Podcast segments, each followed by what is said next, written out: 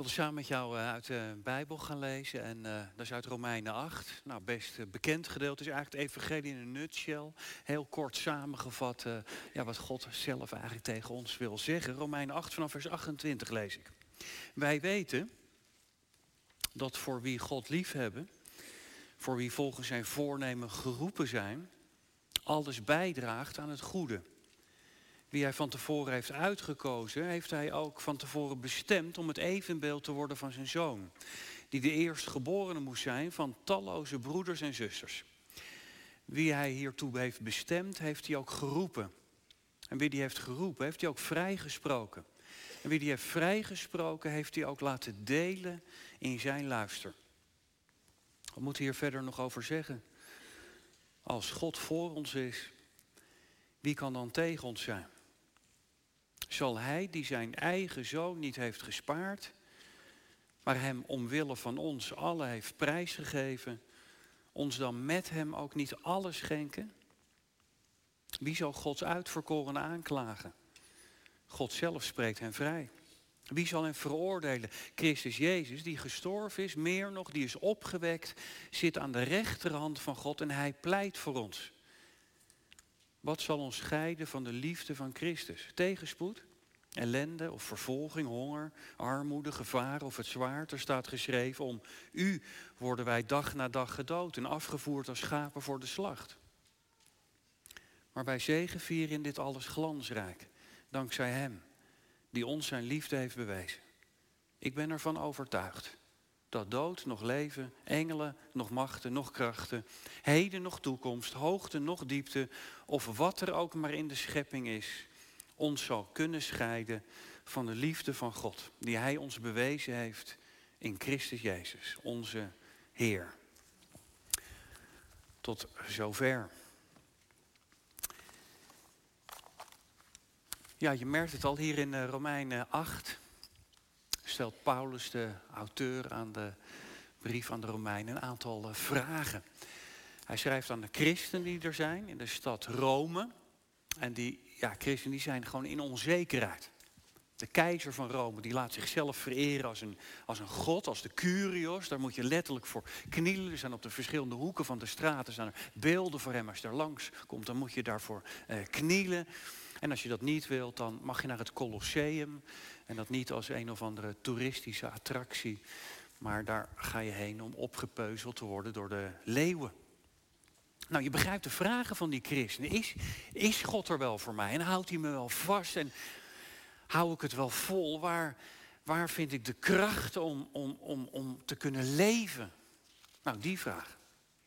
Paulus stelt hier die vragen en hij daagt iedereen uit, ook jou en mij vanmorgen, om die vragen te beantwoorden. En nou, die vragen die zijn uh, niet nieuw voor je, want je hebt ze vast zelf ook gesteld, s'nachts.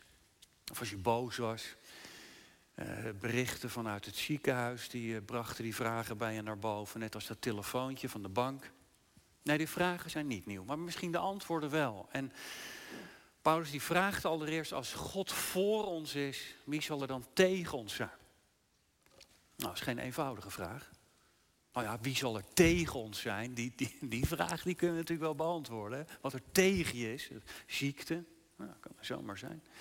Je financiën, vermoeidheid, school wat niet gaat, je werk, uh, je relatie. Hè, er kan van alles tegen je zitten. Weet je, ik vind het altijd geweldig dat de Bijbel zo'n ontzettend realistisch boek is. De Bijbel is een ontzettend realistisch boek. Die zegt helemaal niet dat als je eenmaal gaat geloven, dat dan alles in je leven van een leien dakkie gaat of zo. Hupsakee.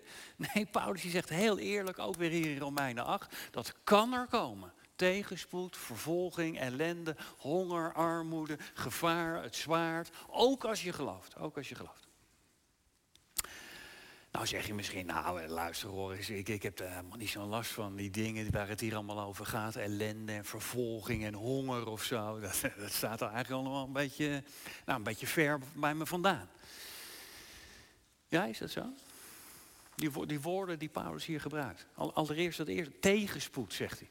Daar bedoelt Paulus mee tegenspoed, letterlijk verdrukking, omdat je, omdat je gelooft. En die christen inderdaad, die in die stad Rome, die werden in de arena gegooid om opgepeuzeld te worden door, eh, door de leeuwen. Nou, dat hebben wij niet. Dat hebben wij niet. Maar dat woord verdrukking, dat heeft niet alleen betrekking op tijden van arena's en leeuwen en zo. Dat dit kan ons ook vandaag overkomen. Paulus die, schrijft dat heel mooi in 2 Korinthe uh, eh, 3. Dan zegt hij, uh, toen wij in Macedonië waren, toen hadden wij rust nog duur. Wij waren van alle kanten in de druk.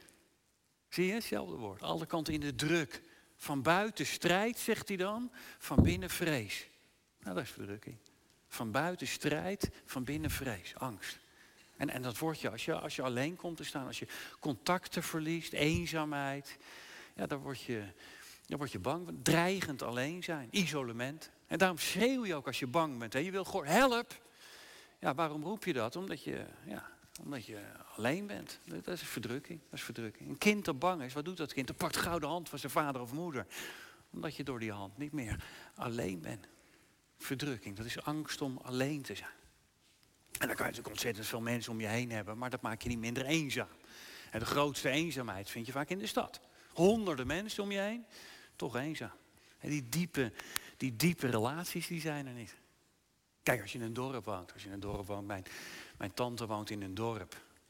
En als zij een nieuwe jurk heeft, dan heeft vijf minuten later de buurvrouw dezelfde jurk. En dan gaan ze vervolgens ruzie wie hem nou het eerst had. In het dorp ben je niet gauw eenzaam. En daar word je gegroet en je kent elkaar. In de stad kun je zomaar maanden gestorven zijn zonder dat iemand het weet. Dat is eenzaamheid. Eenzaamheid is dat je voelt dat de echte contacten verbroken zijn. Dat is verdrukking. Wat kan er tegen je zijn? Honger, zegt Paulus.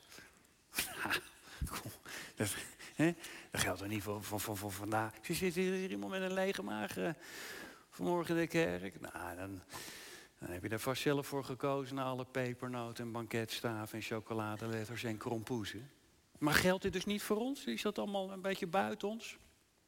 Ja, wel, dat geldt toch ook voor ons? Dat weet jij toch ook wel? Je hebt toch niet alleen honger naar, naar melk en brood en aardappelen en groenten en, en, vla toe. Daar honger je toch als mens niet alleen naar. Je hebt er toch een veel diepere honger. De honger, de honger naar geluk, naar vrede, naar vervulling. He, dit, dat zit er bij ons in. Die honger naar geborgenheid. Wat kunnen we daar ontzettend naar hongeren. We hebben ontzettend veel mensen in deze wereld honger naar geluk. Echt geluk. En dat, ja, dat geluk, dat is er niet en dat komt niet. Let, op, Paulus schrijft dit dus aan christenen. Dit kan je overkomen als je christen bent. Het geloof is beslist geen verzekering tegen die dingen die Paulus hier opzoemt. Het is goed om in de gaten te houden. Geloof alsjeblieft niet die mensen die zeggen... als je gelooft dan is het alleen maar halleluja en happy clappy en zo. Dat is onzin. Paulus laat hier zien in Romeinen 8 dat het lijden je kan overkomen ook in tijden van vrede en welvaart. Ook als je bij Jezus hoort. Nou, als je het allemaal bedenkt, dan krijgt die vraag toch wel. Ik zie het niet meer zitten. Waar haal ik de kracht vandaan om te kunnen leven?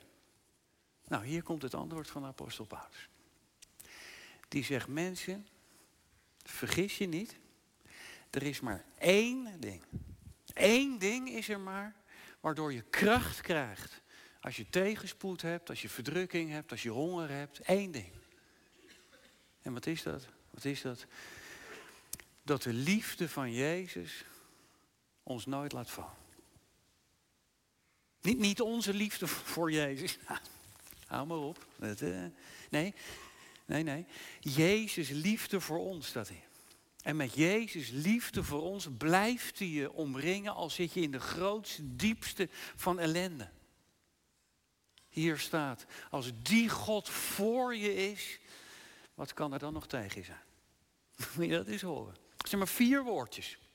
Zwart op wit hier, Romeinen 8. God is voor ons. Vier woordjes, ja, maar wat zit er allemaal in, in die paar woorden? God is voor ons. We hebben net gezongen. Our God is an awesome God. Misschien zijn je ouders je vergeten en je onderwijzers die hebben je genegeerd. Je broers en zussen die schamen zich voor je.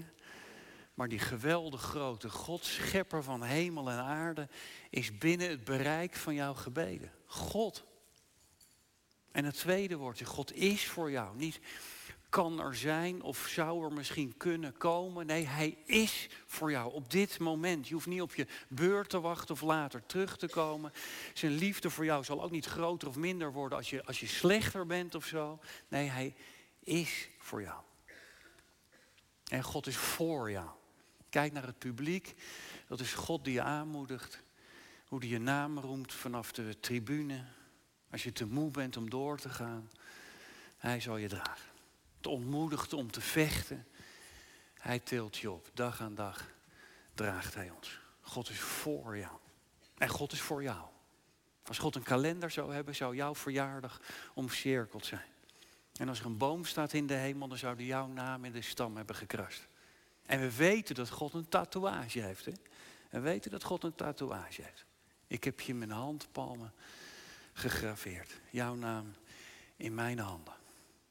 En dan staat er nog iets bij in Jesaja 49. Daar staat er, kan een vrouw haar baby vergeten dat ze zich niet zou ontfermen over het kind van haar schoot? En dat vraagt God in Jesaja 49 vers 16. Nou, een beetje een vreemde vraag zou je zeggen. Kun je je voorstellen dat een moeder haar kind voedt en, en dat ze later vraagt zich, uh, hoe heet die baby eigenlijk? Uh, waar, waar, is hij eigenlijk ergens? Streelt je bij je knuffelt ermee, je verschoont het. En vijf minuten later weer, je, je zegt zijn naam. Kan een moeder haar kind vergeten? Absoluut niet. Maar al zouden zij die vergeten, toch vergeet ik jou niet, zegt God. God is voor jou.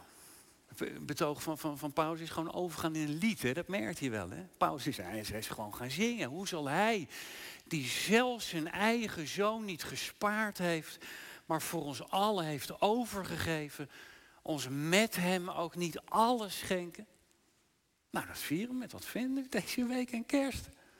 God heeft het liefste gegeven wat hij had, zijn eigen zoon, zijn eigen kind. Zou hij dan ook niet in alles voor ons zorgen? Nou, stel je eens voor een man die ziet dat een kind geslagen wordt door een paar schurken. En hij gooit zichzelf in de strijd. Hij redt dat kind en draagt het naar het ziekenhuis.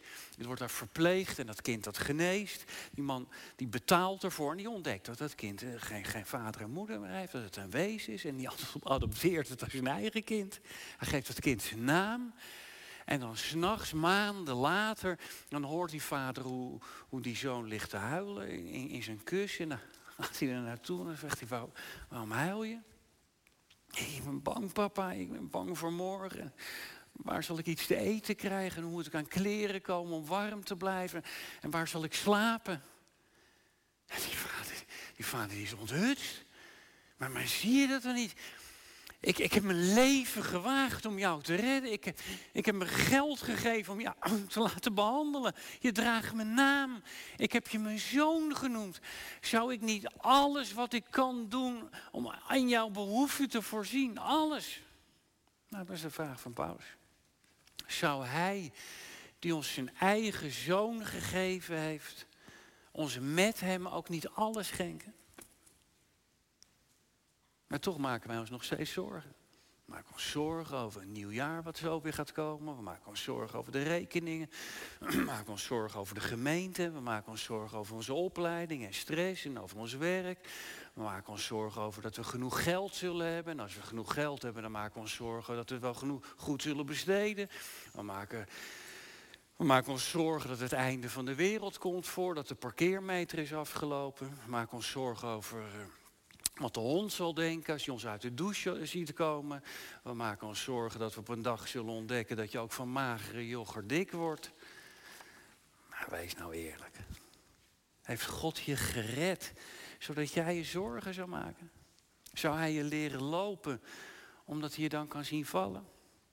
Zou hij zich voor jouw zonde aan het kruis hebben laten spijkeren om dan jouw gebeden niet te verhoren? Doe nou. Houdt de Bijbel ons voor de gek als er staat, want hij zal voor jou zijn engelen gebieden, dat zij je behoeden op al je wegen. Nou, ik denk het ook niet. En daarom stelt Paulus ook die volgende vraag. Wie zal uitverkorenen van God beschuldigen? Dat is de volgende vraag. Wie zal uitverkorenen van God beschuldigen? Nou, nou krijgt er iemand pijn in zijn buik. Uitverkorenen van God.